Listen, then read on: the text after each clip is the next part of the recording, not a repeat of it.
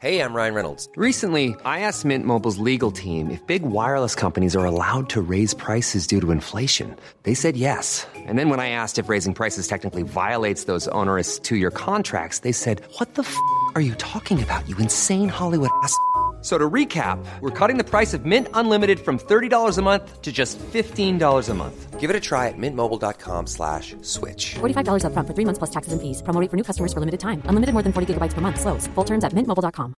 Ready to pop the question? The jewelers at BlueNile.com have got sparkle down to a science with beautiful lab grown diamonds worthy of your most brilliant moments. Their lab grown diamonds are independently graded and guaranteed identical to natural diamonds, and they're ready to ship to your door. Go to BlueNile.com and use promo code LISTEN to get $50 off your purchase of $500 or more. That's code LISTEN at BlueNile.com for $50 off. BlueNile.com code LISTEN.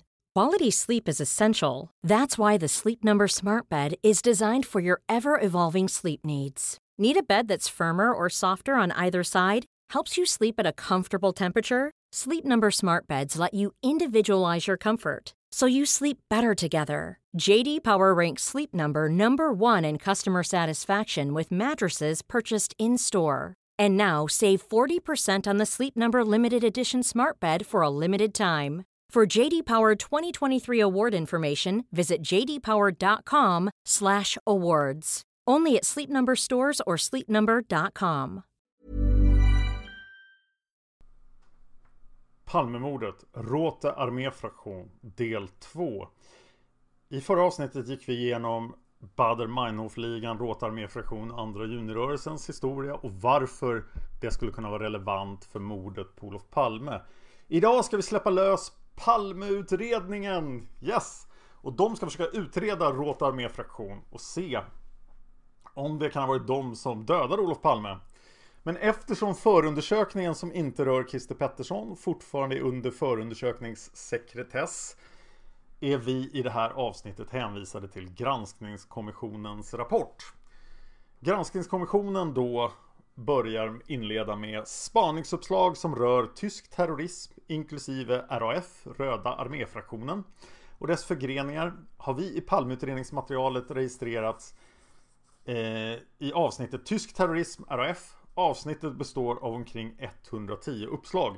Och när GK talar, GK alltså granskningskommissionens rapport, när den talar om uppslag då är det alltså olika spår. Så det fanns 110 olika spår som pekade mot Rote arméfraktion. Den första månaden efter mordet inkom ett 50-tal tips som hänförs till detta avsnitt. Dessa uppslag innehåller till stor del uppgifter om personer som sägs sympatisera med tyska terrorister. Ett fåtal innehåller mer konkreta uppgifter kopplade till mordet på Olof Palme. Av första månadens uppslag rör ett tiotal personer som liknar fantombilderna. Och vi vet ju idag då att fantombilderna inte är något bra. Även om vi ska återkomma till varför fantombilder på skuggan, det vill säga den andra fantombilden, skulle kunna vara relevant i ett, i ett senare avsnitt. Vi vet dock att den första fantombilden, den som ska föreställa mördaren, inte föreställer mördaren. Omkring 10 uppslag rör telefonsamtal var i olika tyska grupperingar såsom Rota arméfraktion, kommando Holger Mainz och kommando Christian Klar påtagit sig ansvaret för mordet. Flera rör brev med liknande innehåll. Fem, sex uppslag härrör från personer som i början av mars i tidningens Kvällsposten sett foton av Bader Meinhof-ligans medlemmar och som därefter tyckte sig se ligamedlemmar i Skåne. Ett par tips har lett till tvångsmedelanvändning, hämtning till polisförhör respektive husrannsakan. Efter den första utredningsmånaden inkom cirka ytterligare 10 uppslag under det första utredningsåret. Tiden därefter och fram till 1999 har knappt 10 uppslag tillkommit. Ingen av dessa synes innehålla någon information av vikt. Av avsnittets uppslag synes 40, runt 40 ha tillkommit på Palmeutredningens eget initiativ. Säkerhetspolisen verkar under det första utredningsåret ha använts endast då särskild information behövs. Det vill säga inte alls i samma utsträckning som i, i andra delar rörande utlandet, där Säkerhetspolisen ofta självständigt utrett det första årets ärenden. Därefter under hösten 1987 och våren 1998 har Palmeutredningen låtit Säkerhetspolisen gå igenom och bedöma uppslag rörande Råta arméfraktion.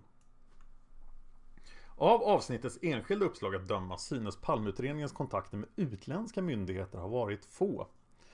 Av de sammanställningar och analyser som har upprättats framgår emellertid att Palmeutredningen i denna del haft ett nära samarbete med terroristexperterna vid Bundeskriminal AMT i Wiesbaden och där var då Ingmar Krusell inblandad från Palmeutredningens håll. Det första tipset då. Redan morgonen efter mordet inkom det första tipset med anknytning till tysk terrorism. Vakthavande vid UD, Anna B, meddelade då per telefon att hon kontaktats av Sveriges ambassad i Bonn. En av ambassadens tjänstemän, första ambassadsekreterare Peter T, hade under natten blivit uppringd av en man som uppgivit att Råta arméfraktion låg bakom mordet på statsministern. Härefter togs omgående kontakt med Peter T som berättade att han klockan 02.45 blivit uppringd i sin bostad av en man som på flytande tyska meddelat Här är RAF, vi har skjutit er statsminister. Därefter hade luren lagts på. Peter T berättade vidare att han under natten varit jourhavande i bostaden.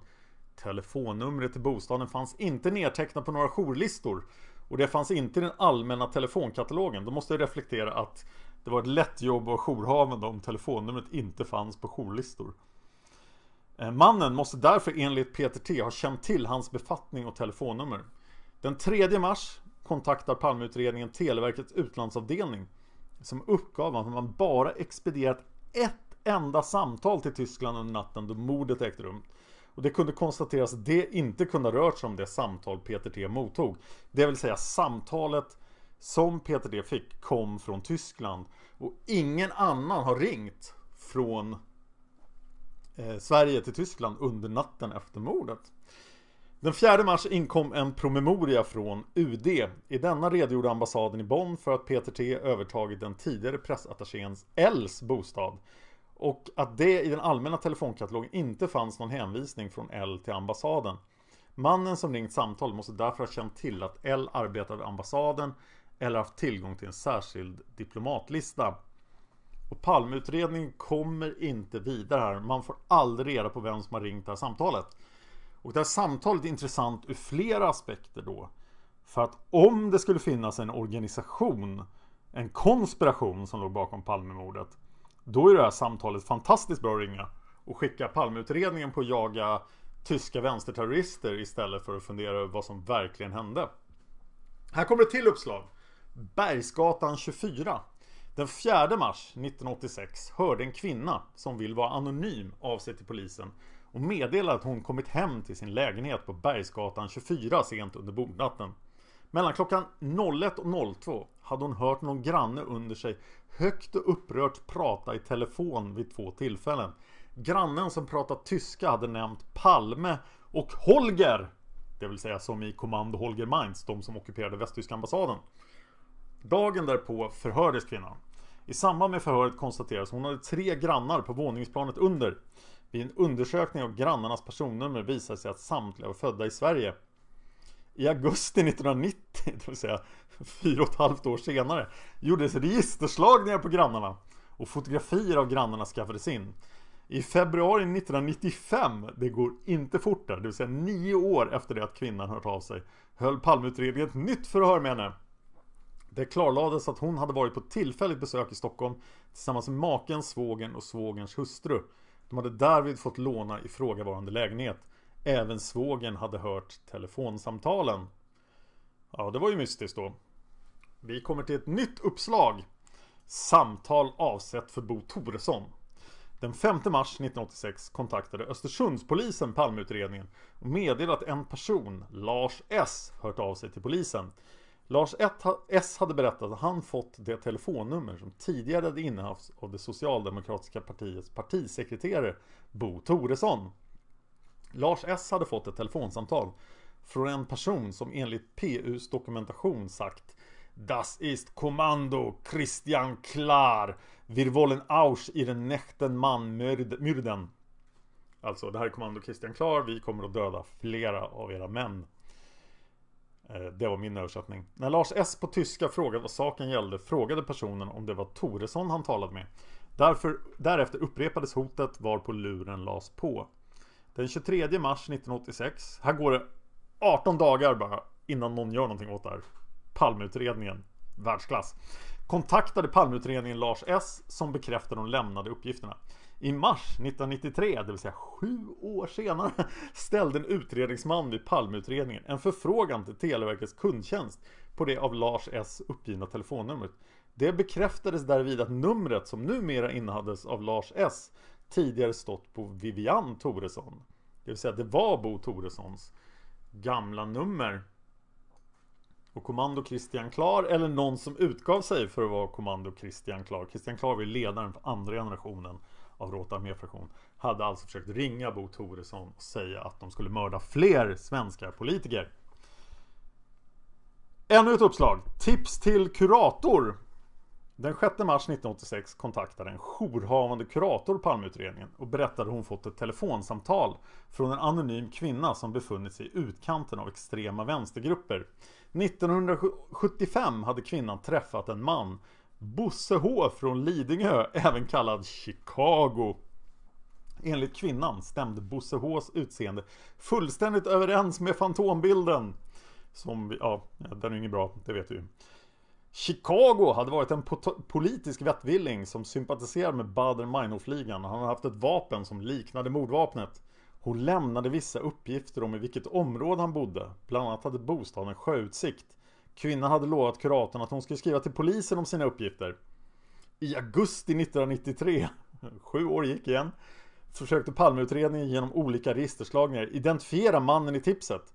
Två personer med aktuella namnet och bosatt i den utpekade kommunen hittades.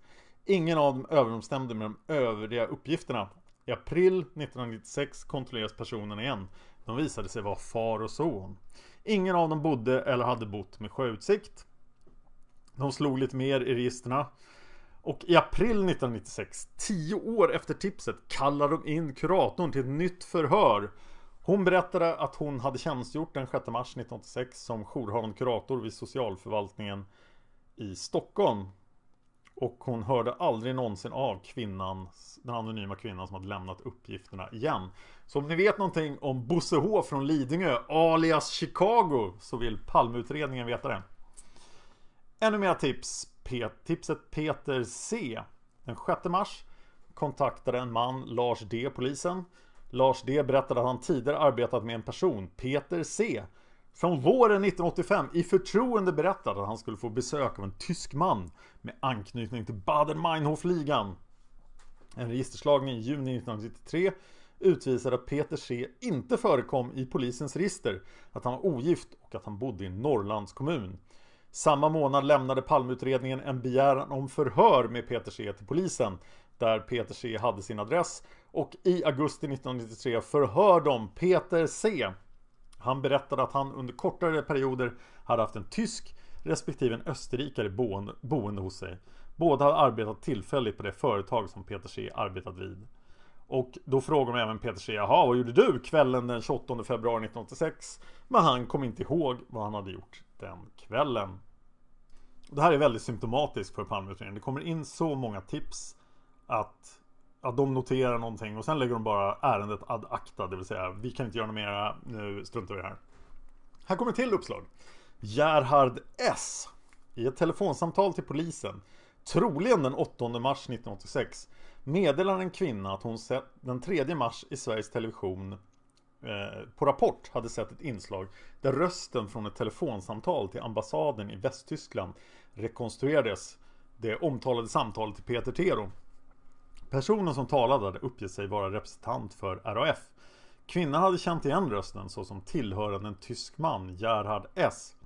Denne skulle vara kriminellt belastad och i maj 1984 suttit på Härlanda fängelse.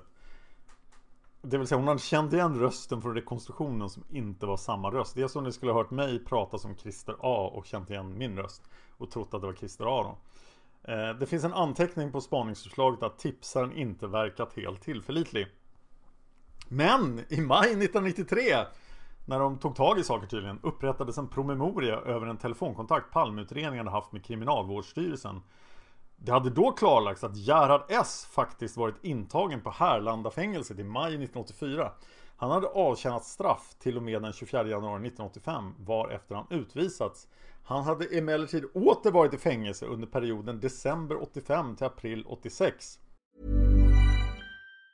If you thought the only way to get a more defined jawline with natural looking results was through surgery, think again. Juvederm Volux XC is a non surgical injectable gel filler that improves moderate to severe loss of jawline definition and can help you achieve natural looking results with little downtime. Even better, this improved definition lasts up to one year with optimal treatment. No maintenance required. Improve jawline definition for a smooth, sculpted look with Juvederm Volux XC. For important safety information and to find a licensed specialist, visit juvederm.com. That's J U V E D E R M.com. Not for people with severe allergic reactions, allergies to lidocaine, or the proteins used in Juvederm. Common side effects include injection site redness, swelling, pain, tenderness, firmness, lumps, bumps, bruising, discoloration, or itching. There's a risk of unintentional injection into a blood vessel, which can cause vision abnormalities, blindness, stroke, temporary scabs, or scarring. Talk to a licensed specialist to find out if it's right for you. When you're ready to pop the question, the last thing you want to do is second guess the ring.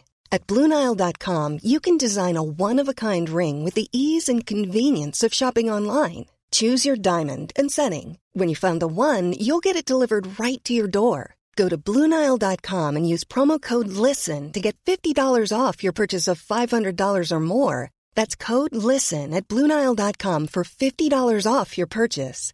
Bluenile.com code LISTEN. If you thought the only way to get a more defined jawline with natural looking results was through surgery, think again. Juvederm Volux XC is a non surgical injectable gel filler that improves moderate to severe loss of jawline definition and can help you achieve natural looking results with little downtime. Even better, this improved definition lasts up to one year with optimal treatment. No maintenance required. Improve jawline definition for a smooth, sculpted look with Juvederm Volux XC. For important safety information and to find a licensed specialist, visit juvederm.com. That's J U V E D E R M.com. Not for people with severe allergic reactions, allergies to lidocaine, or the proteins used in Juvederm. Common side effects include injection site redness, swelling, pain, tenderness, firmness, lumps, bumps, bruising, discoloration, or itching. There's a risk of unintentional injection into a blood vessel, which can cause vision abnormalities, blindness, stroke, temporary scabs, or scarring. Talk to a licensed specialist to find out if it's right for you.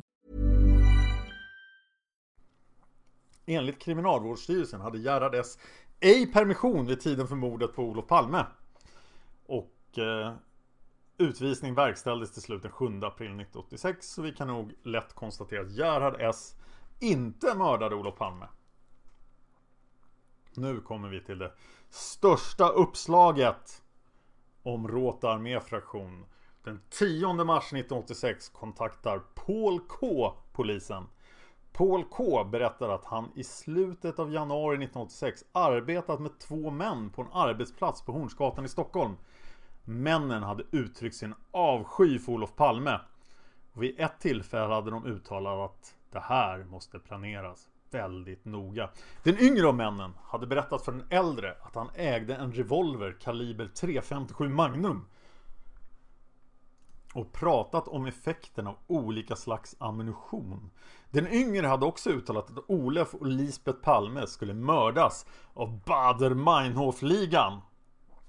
Nu vaknar Palmeutredningen, så dagen därpå, inte 1993, förhördes Paul K på nytt. Han bedyrade att han talade sanning och lämnade ytterligare uppgifter om männen. Bland annat berättade han att den yngre mannen vid ett tillfälle låtsas skjutit den äldre i ryggen och att den yngre vid ett tillfälle skulle åka till Gamla stan för att kolla en grej.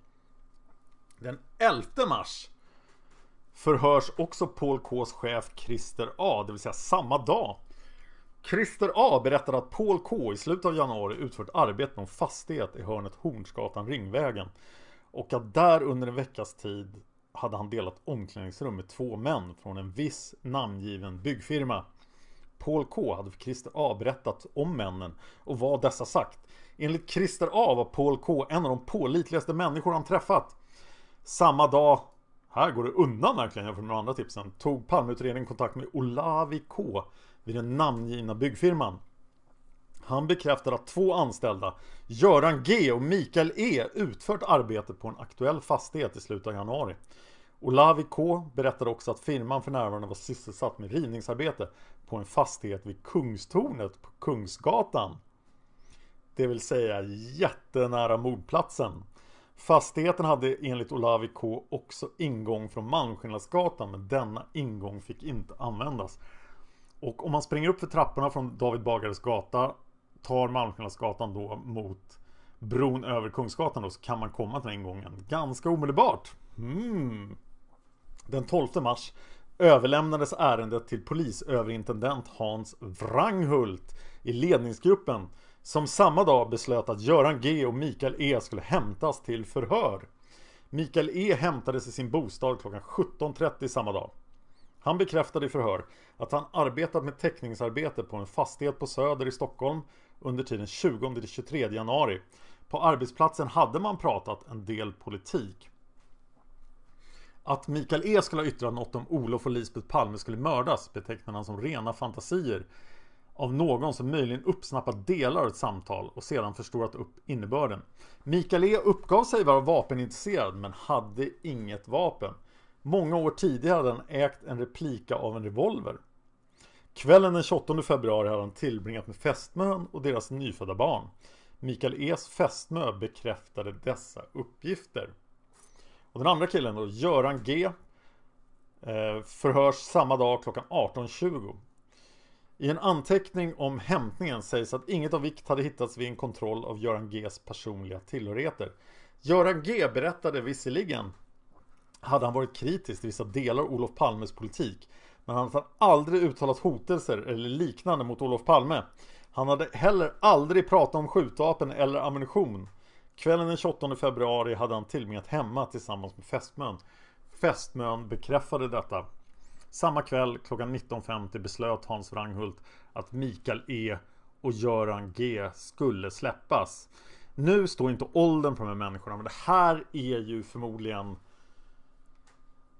om, om alla de här människorna hade varit inblandade i Råta arméfraktion vilket då massa svenskar var i samband med Kröcherligan 77 så skulle de i princip agerat så här. De gav varandra alibi.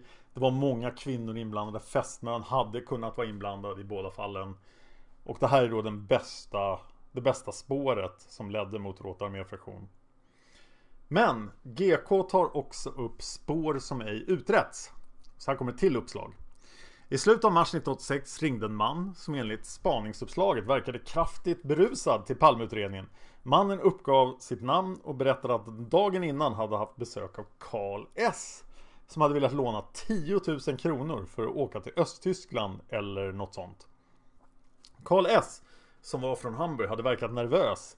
Enligt uppgiftslämnaren tillhörde Karl S. Baader-Meinhof-ligan och skulle flera år tidigare ha yttrat att han skulle mörda Anna-Greta Leijon respektive att Olof Palmes blod ska flyta på Stockholms gator.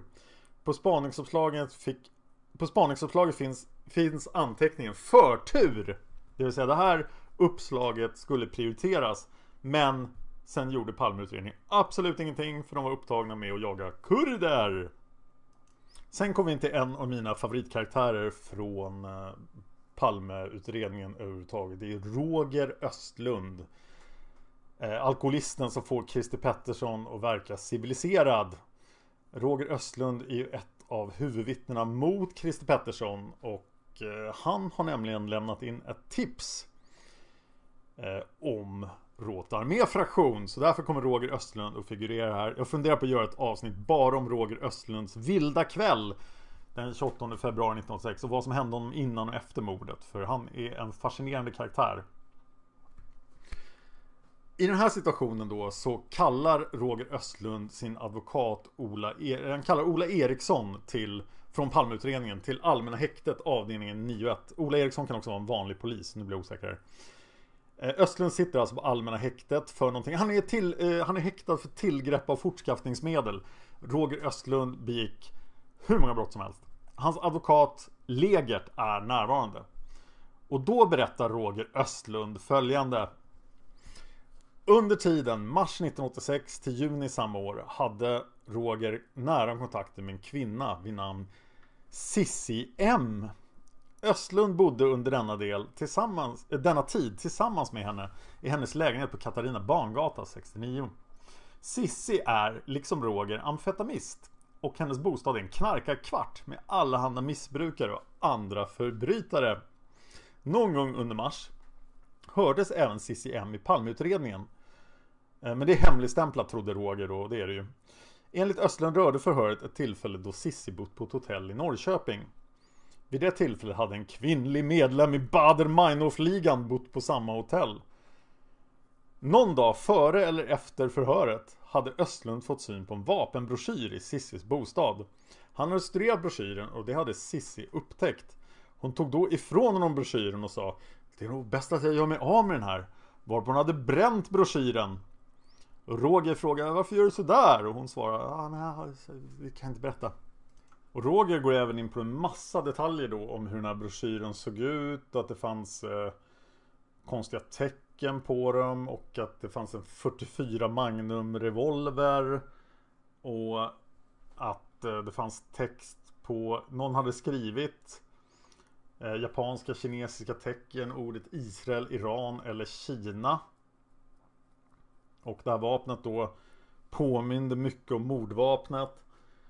Och i det här förhöret då, som inte är Roger Östlunds första förhör då, så finns det förstås ingenting om Christer Pettersson. Utan det kommer komma långt senare. Men det ska vi ta upp i spåret om Christer Pettersson. Så nu går vi tillbaka till Palmeutredningen och GKs rapport. Och här finns ett till uppslag. Och det är det sista innan vi kommer få en motreaktion från Råta arméfraktion. Okej, ett nytt uppslag. Uppgift härrörande från Råta arméfraktionssympatisör.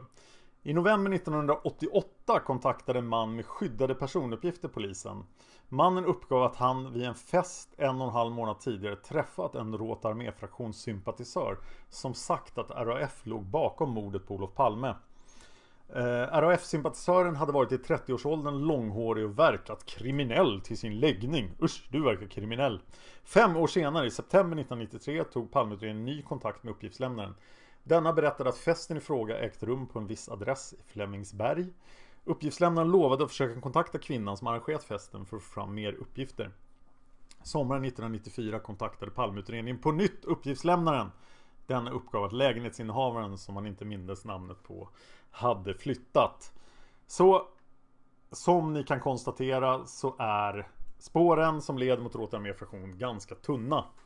Men nu är det dags för Råta arméfraktion att säga ifrån.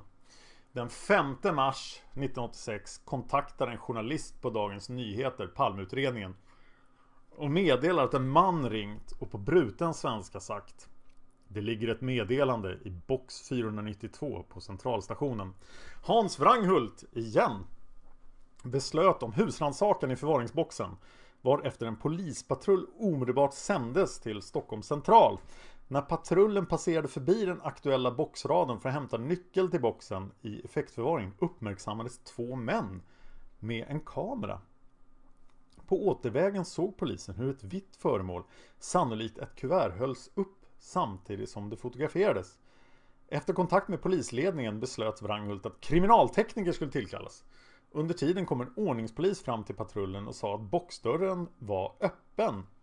I boxen låg ett vitt kuvert med Rotarmé-fraktions symbol på framsidan, en stjärna med ett automatvapen. Brevet innehöll uppgifter om att Rotarmé-fraktion inte hade dödat Olof Palme. Av ordningspolisens rapport framgår att två polismän under denna tid arbetat med att kontrollera vilka förvaringsboxar på centralen som inte blivit omsatta. När polismännen kommit fram till de två sista boxarna hade de lagt märke till två män med en kamera. Männen hade också verkat leta efter en särskild box. Rapporten innehåller också signalement på en av männen.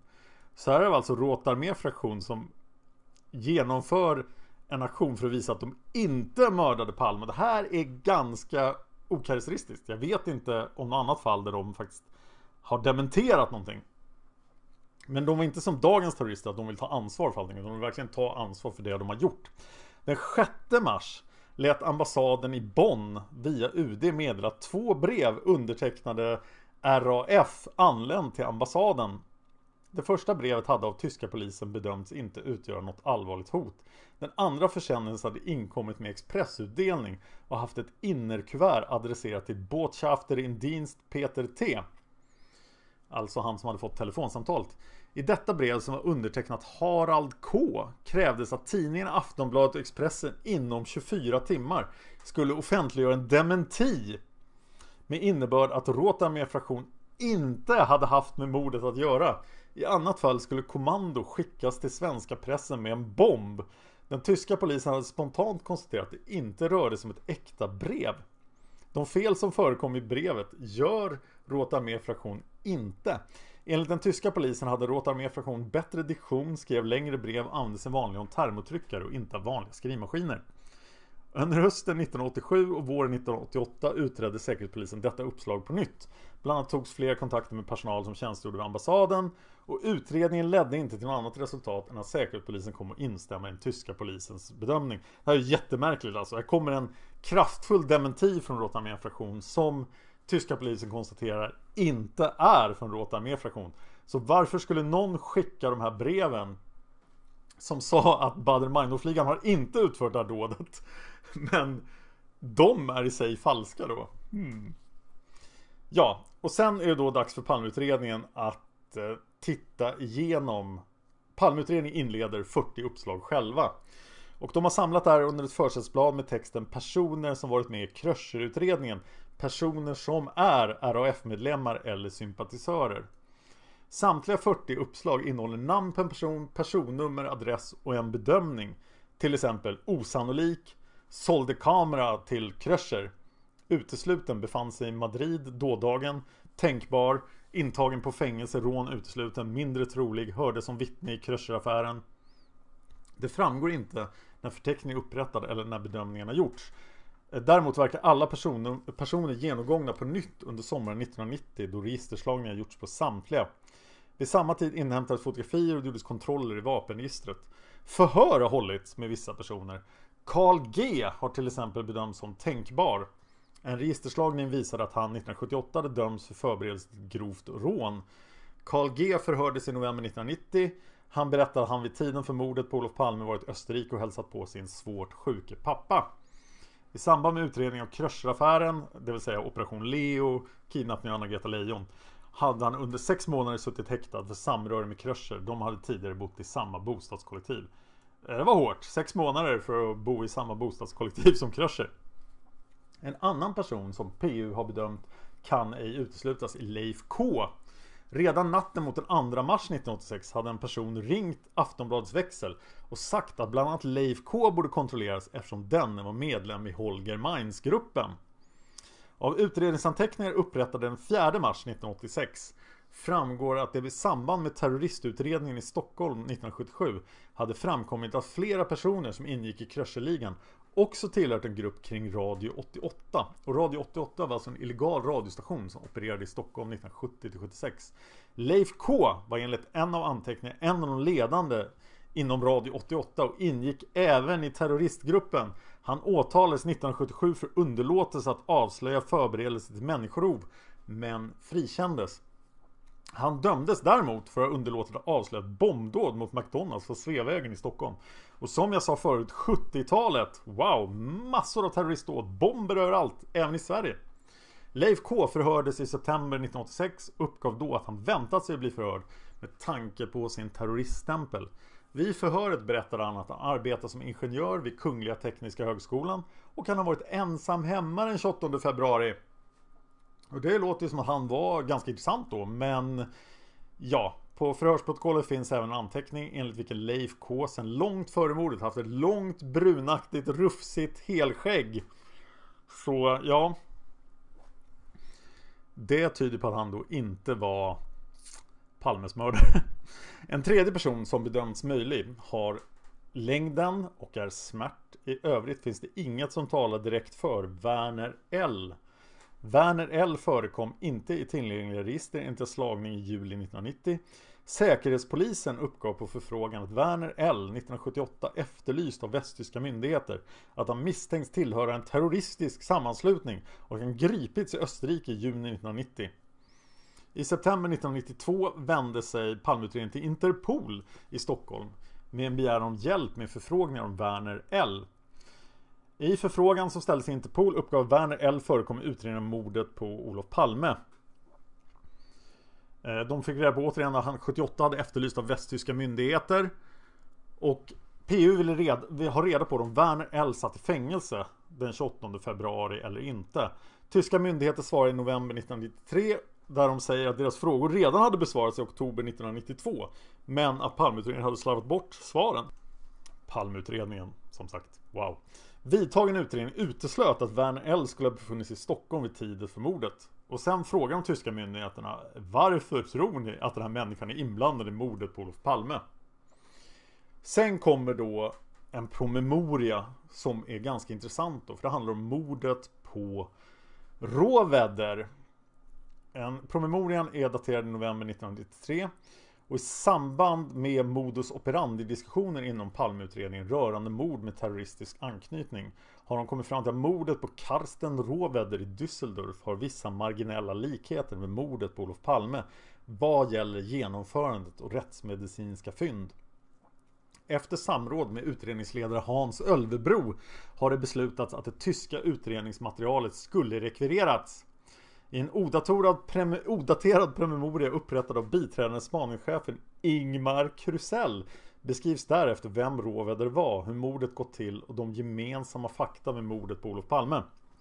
Råvedder var medlem i det tyska socialdemokratiska partiet och han hade innan han mördades april 1991 under en kort tid varit chef för den förvaltningsorganisation som i den östtyska statsförvaltningens ställe blev huvudman för de statsägda företagen efter Östtysklands fall.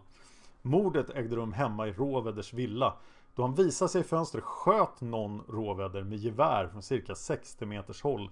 Skottet träffade mellan skulderbladen och genomborrade ryggraden, aorta, mat och luftstruparna. Ytterligare två skott avlossades varefter ett, varav ett träffade Råveders hustru. På den plats varifrån skottet avlossades återfanns ett brev där RAF tog ansvar för mordet. Ett par dagar senare följde ett brev där kommando Ulrich Wessel sade sig ha utfört dådet och Ulrich Wessel var faktiskt en av Det var han som dog, han med handgranaten i handen som dog på västtyska ambassaden i Stockholm. Want flexibility? Take yoga. Want flexibility with your health insurance? Check out United Healthcare Insurance Plans. Underwritten by Golden Rule Insurance Company, they offer flexible, budget friendly medical, dental, and vision coverage that may be right for you. More at uh1.com. Hi, I'm Daniel, founder of Pretty Litter. Cats and cat owners deserve better than any old fashioned litter. That's why I teamed up with scientists and veterinarians to create Pretty Litter. Its innovative crystal formula has superior odor control and weighs up to 80% less than clay litter. Pretty Litter even monitors health by changing colors to help detect early signs of potential illness. It's the world's smartest kitty litter. Go to prettylitter.com and use code ACAST for 20% off your first order and a free cat toy. Terms and conditions apply. See site for details. Normally, being a little extra might be a bit much, but not when it comes to healthcare. That's why United Healthcare's Health Protector Guard fixed indemnity insurance plans, underwritten by Golden Rule Insurance Company, supplement your primary plan so you manage out of pocket costs. Learn more at uh1.com. Enligt BKA i Wiesbaden fanns ingen grundad misstanke mot någon särskild gärningsman och mordet är fortfarande ouppklarat. Och det här mordet på Råvädret tror jag är väldigt intressant för jag tror eh, och jag försöker undvika att tro så mycket men jag vill dra lite slutsatser här ändå att om Råta arméfraktion hade mördat Olof Palme så hade det skett på det här sättet. De hade mördat honom i hemmet för det var ingen svår sak att mörda Olof Palme i hans hem. Och sen hade det kommit brev, kommunikéer, manifestationer. Varför, eh, Råta arméfraktion hade förklarat varför Olof Palme måste dö och vad han hade begått för brott. Till slut då kommer sammanställningar och analyser. Den 27 oktober 1987 upprättade Säkerhetspolisen en promemoria rubricerad angående Råta arméfraktion och dess inblandning i mordet på statsminister Olof Palme.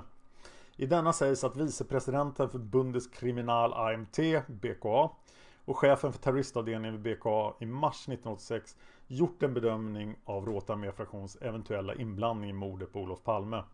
De hade därvid ansett att misstankarna i denna riktning var så svaga att de kunde avföras.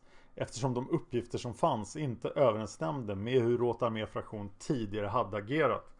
Promemorian avslutas med hänvisning till vad som anses vara Råta arméfraktions tillvägagångssätt vid attentat och terrordåd får det anses som mindre troligt att de haft en direkt inledning i mordet på statsminister Olof Palme.